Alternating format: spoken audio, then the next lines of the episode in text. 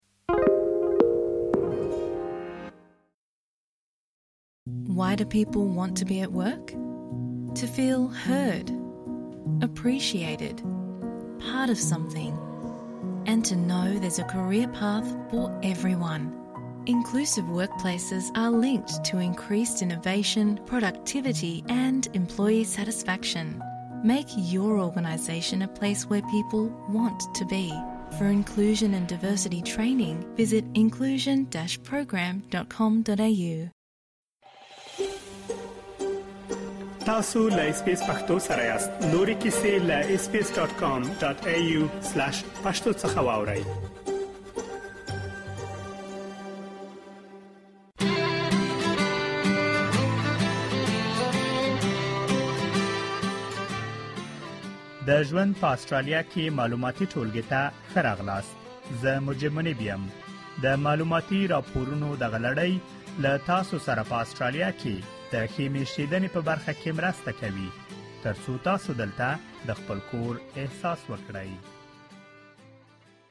د هغو کسانو لپاره چې نوي استرالیا ته راځي د هستوګنې ځای پیدا کول یو مهمه کار دی په دغه راپور کې به تاسو واورئ چې څنګه کولای شئ په استرالیا کې کور په کرایه ونیسئ او یا واخلئ او همدارز د کرایه کونکو په توګه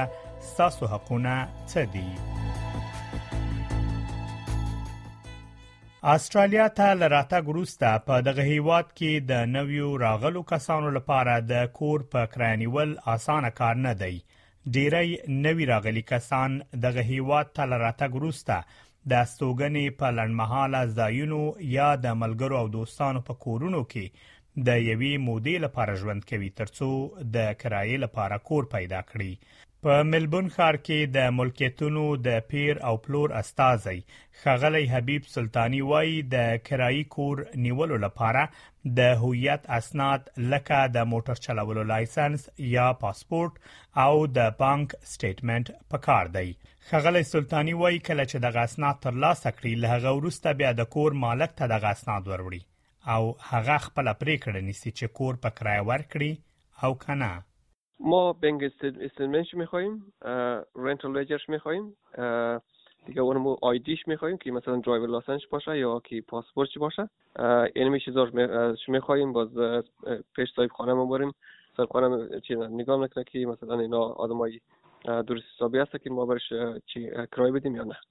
ښاغلی سلطانی وایي هغه کسان چې نوی استرالیا ته راغلي دي او د هویت اسناد لکه د موټر چلولو لایسنس نه لري د هغو لپاره ډیره ګرانه ده ترڅو کور په کرایه پیدا کړي ولی بر... کسایی که چی نداره مثلا درایو لایسنس نداره اینجی نو آمده جدید آمده برای اونا کم سخت است که ما چی کنیم خانه برای اونا بگیریم ښاغلی سلطاني وایي که چیرې د یو شخص غوښتنه د کرایي کور لپاره ومنل شي له هغه وروسته بعد د کور کرایه مخکې لمخکې ورکړي او یو اندازه پیسې د ضمانت په ډول سره د کور مالک ته وسپاري اگر قبول شد برای خانه برای اجاره که مثلا خانه را اجاره بگیره دیگه بانج میگه اونمو بانج کسته ما چیز اونمو کرای یک ماه دیگه پول پیش باید بیده اونو باند میشه باز مو کرایه که مثلا یک ماهه او رو باید بیده اونو اولی باید بیده باند رو کرایه یک ماهه رو باید بیده باز میتونه که چی کنه قرار بگیره آسترالیا ته ډیری نوي راغلي کسان د کرایي کور نیولو پر مهال له خپل حقونو څخه نه خبره وي کارپوهان وایي په کار د ترڅو د کور قرارداد له لاستیک مخکې ځان د قرارداد په جزئیاتو پوکړی او کچیر تاسو د قرارداد له جزئیاتو خبر نه یاست نو هیڅ کله یې ملاس لیکوي راپورونه ښیي چې له نویو راغلو کسانو سره په ځینو ځایونو کې توپیری چلند کیږي کله چې تاسو په استرالیا کې کور په کرایه نیسئ نو په کار د ترڅو تاسو له خپل حقوقو او مسؤلیتونو څخه باخبره اوسئ په ملبون ښار کې د ملکیتونو د پیر او پلور استازی خغلی حبیب سلطانی وای هغه شخص چې کور په کرایه نیسی مسؤلیت لري ترڅو له کور څخه په ښه ډول ساتنه وکړي په داسې ډول چې یو شخص له خپل کور څخه ساتنه کوي ها مسئولیت چی میسته خانه خودش باید باشه اونمره باید حالا فاش باید بزنه خونه رو نگاه کنه باز خونه رو کدام در ندیه دیگه نسوزانه دیگه اون چیه از این پیشک و سگ و چیزا باید نداشته باشه اونمو چیزا مثل خونه خود باید چیکن نگاه کنه د استرالیا په هر ایالت او سیمه کې قوانین له یو بل سره توپیر لري خغلی سلطانی وایي په وکټوریا ایالت کې قوانین ډیر بدل شوی دي هغه زیاتوي چې هغه کس چې کور په کرایه نیسي د مسؤلیتونو ترڅنګ حقونه هم لري نو موړی وایي کله چې تاسو کور په کرایه نیسئ نو کور باید جوړ اوسي د هوا ګرمولو او سړولو اسانتیا ولري خه رنگ شوی اوسي کله چې کومه ستونزه پیدا شي نو د کور مالک باید هغه مشکل حل کړي خانه باید حال فعلا کس خانه کار کس میخواد برای اجاره بده خانه جمع جور باشه یعنی گرم کن داشته باشه یا خونش داشته باشه دیگه رنگ روغن کده باشه دیگه خانه سالم باشه کدام چیز کدام خطر نداشته باشه دیگه چیزایی که خراب میشه باید برای خانه چیزایی که مثلا خیلی ارجنت نیه خیلی بر زودترین وقت که جور نشن امرجنسی نباشه او رو باید به صاحب خانه کسته خبر بده با صاحب خانه باید باید او رو جور کنه اګر کدام چیز ایمرجنسی که مثلا پایپ گاز پارش نه یا آوی سورخ پارش نه اونا را میتونه جور کنه باز امو رسید زوره که جور کده یک نفر باز اون میتونه او را کس در صاحب خانه یا دمو ایجن که مثلا اون را منیج نه میتونه او را بیده که چی کنه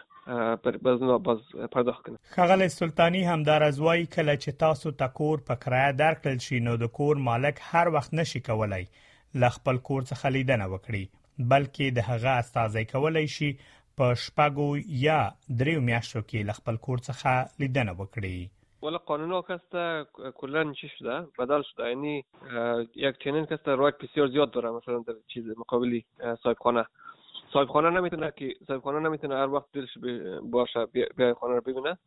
دیگه ایجنت از صاحب خانه میتونه هر سه ماه تا شش ماه را به خانه رو سل کنه که مثلا خانه چی درسته سالم مانده یا نه په اډیلیډ ښار کې میشت افغان وکیل عزیز الله یوسفزای وایي کچيري د کرایه کونکي او د کور د مالک ترمنځ ستونزه پیدا شي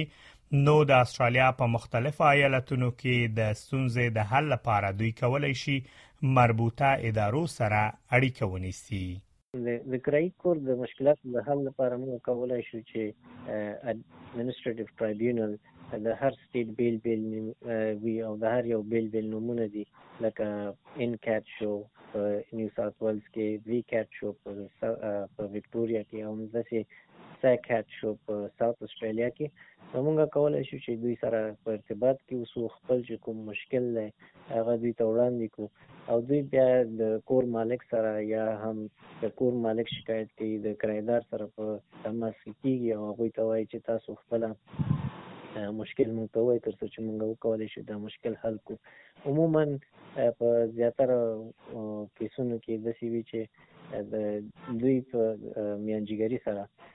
د خلکو مشکلونه حلیږي او اکثره هغه چا چې حق وی حق حقدار ته رسیږي د کرایي کور ترڅنګ کچېر تاسو وغواړئ نو کولای شئ په استرالیا کې کور هم واخلئ مګر د کور اخیستلو لپاره تاسو ته پکار ده ترڅو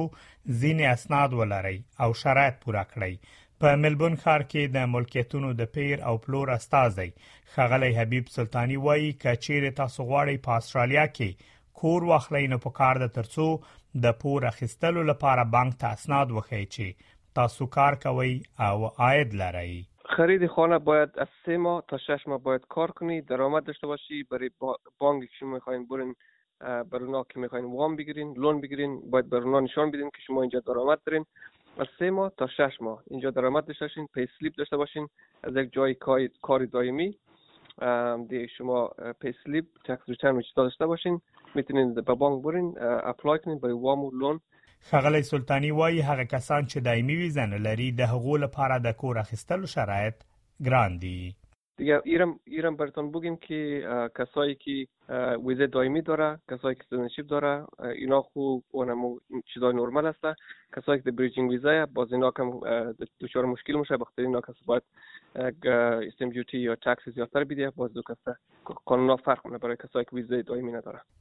که چیرې تاسو په استرالیا کې نشئ کولای له بانک څخه پور ترلاسه کړئ نو تاسو کولای شئ د مورګیج بروکر په مرسته پور ترلاسه کړئ په دې اړه ښاغلی سلطانی داسې وایي رقم رقم بروکر است کارام قانونی میشه کارای قانونی پیش بره دیگه میتونه بروکر یک بروکر خوب باشه که مثلا بفهمه که اینا چی چی داره شرایط زیاد چی هسته میتونه که لون بگیره با چی کنه په اډلیډ ښار کې میشت افغان وکیل ښاغلی عزیز الله یوسفزی وایي د کور اخیستلو پر مهال مهمه ده ترڅو کور اخیستونکي ډاډ ترلاسه کړي چې د پور تصدیق له ځان سره لري او د قرارداد له لاسلیک مخکې حقوقي مشوره ترلاسه کړي ډېر مهم ټکی هغه دا دی چې هغوی باید دا فکر کې وساتي چې دوی لون یا فاینانس هغه باید موثر اوسي یعنی چې هغه برابر اوسي د نه مخکې چې دوی آفر ورکوي ځکه چې اکثره کورونه کله چې موږ اخلو کچېرې زموږ فاینانس برابر نه وي نو بیا موږ ډیر زیات مشکلات سره مخ کېدای شو بل دا چې هغوی باید د خپل کانټراکټ چې کوم دوی ساين کوي د دې په اړه باندې مشوره د یو کنوینسر یا د وکیل نه واخلي ترڅو هغوی د کانټراکټ وسیړي او هغه کې هغه نقاط یا هغه شرطونه چې د دوی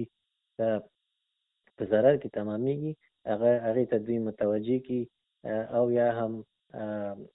هغه د کانټراکټ نه لري کی او بل دا چې هغه دې ته متوجه وشي کچېرې کور ډیر زوړ وي هغه کور باید انسپکشن وشي دا به ښه وڅېړل شي، شاید کومې پیسې موږ په دې کور باندې ورکوو، رښتیا دا کور د دوی ارزښت لري او که نه. ښاغلی یوسفزی وايي چې په اسټرالیا کې د کور اخیستلو حقوقي چارې د حقوقي وکیل او یا کنوینسیر له لارې پرمخ وړل کېږي. عموماً په اسټرالیا کې یا وکیل او یا هم کنوینسر د دې حق لري چې دا کار وکړي او که یو کس چې کور اخلي د هغې ټول هغوی ته مشوره ورکړي د دې کور په اړه باندې د سټیمپ ډیوټي په باره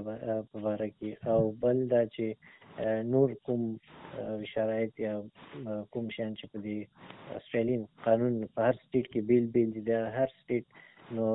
د هغې سټیټ کنوینسر یا وکیل کولی شي هغوی ته چې بهترینه مشوره ورکړي. یوسفزی په دې باور دی چې د کور اخیستلو جنجال د کور پلورلو په پرتله زیات دی ځکه د کور قرارداد د کور پلورونکي په خوښه تیاریږي. کور اخیستلو جنجال نسبتا لږ غوندې زیات دی هغه ځکه چې کانټراکټ لمخکې لمخکې نه آماده وي او هغه د هغه کس چې کور خرڅوي د هغه په شرایطو باندې آماده کیږي نو کله کله د سی وی چې کانټراکټ کې بعض شیان هغه پکې لیکلي وي چې هغه د کور اخیستونکو لپاره په ضرر کې تمامېږي او هغه اکثره بیا دوستان د سی وی چې هغه روسته بیا متوجه کیږي چې هغه د انګریزانو خبره ټو لیټ وي نو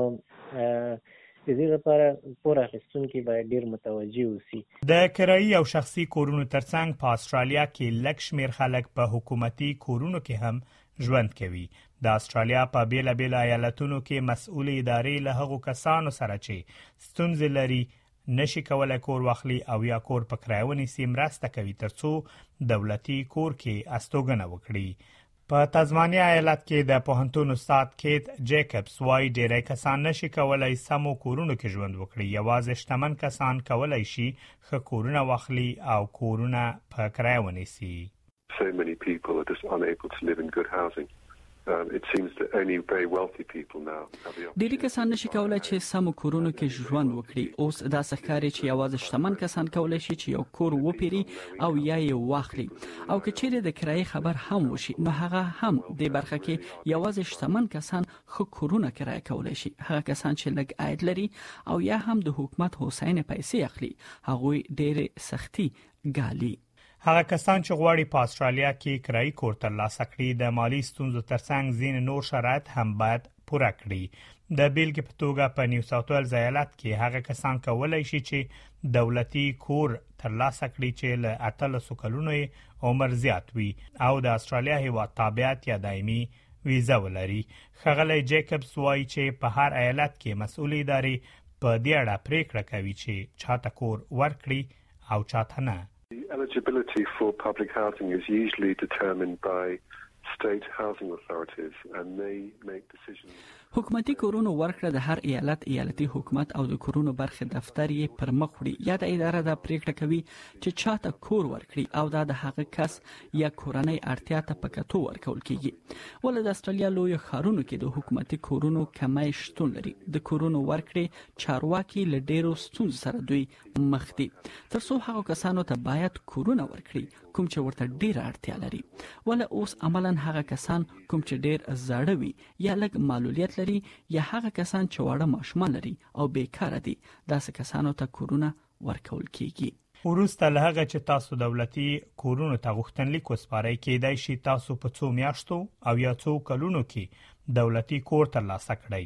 د دولتي کور ترلاسه کولو لپاره ځانګړی وخت نه دی تعین شوی دا په شرایط پورې تړلې خبره ده کچېر تاسو دولتي کور تر لاسه کړئ نو په دې معنی نه ده چې تاسو به هیڅ کرایه نه ورکوي بلکې په دولتي کور کې هم تاسو کرایه ورکوي خو د دولتي کور د کرایې فیصدي ستاسو له عاید سره تړلې خبره ده کچیر تاسو غواړئ د دولتي کورونو په اړه لا ډیر معلومات ترلاسه کړئ مهرباني وکړئ د خپل ایالت د هاوزینګ له ویب پاڼې څخه لیدنه وکړئ ډیره زیاته مننه چې تاسو د غری پورت ته وګوي که غواړئ د ژوند په استرالیا کې لړۍ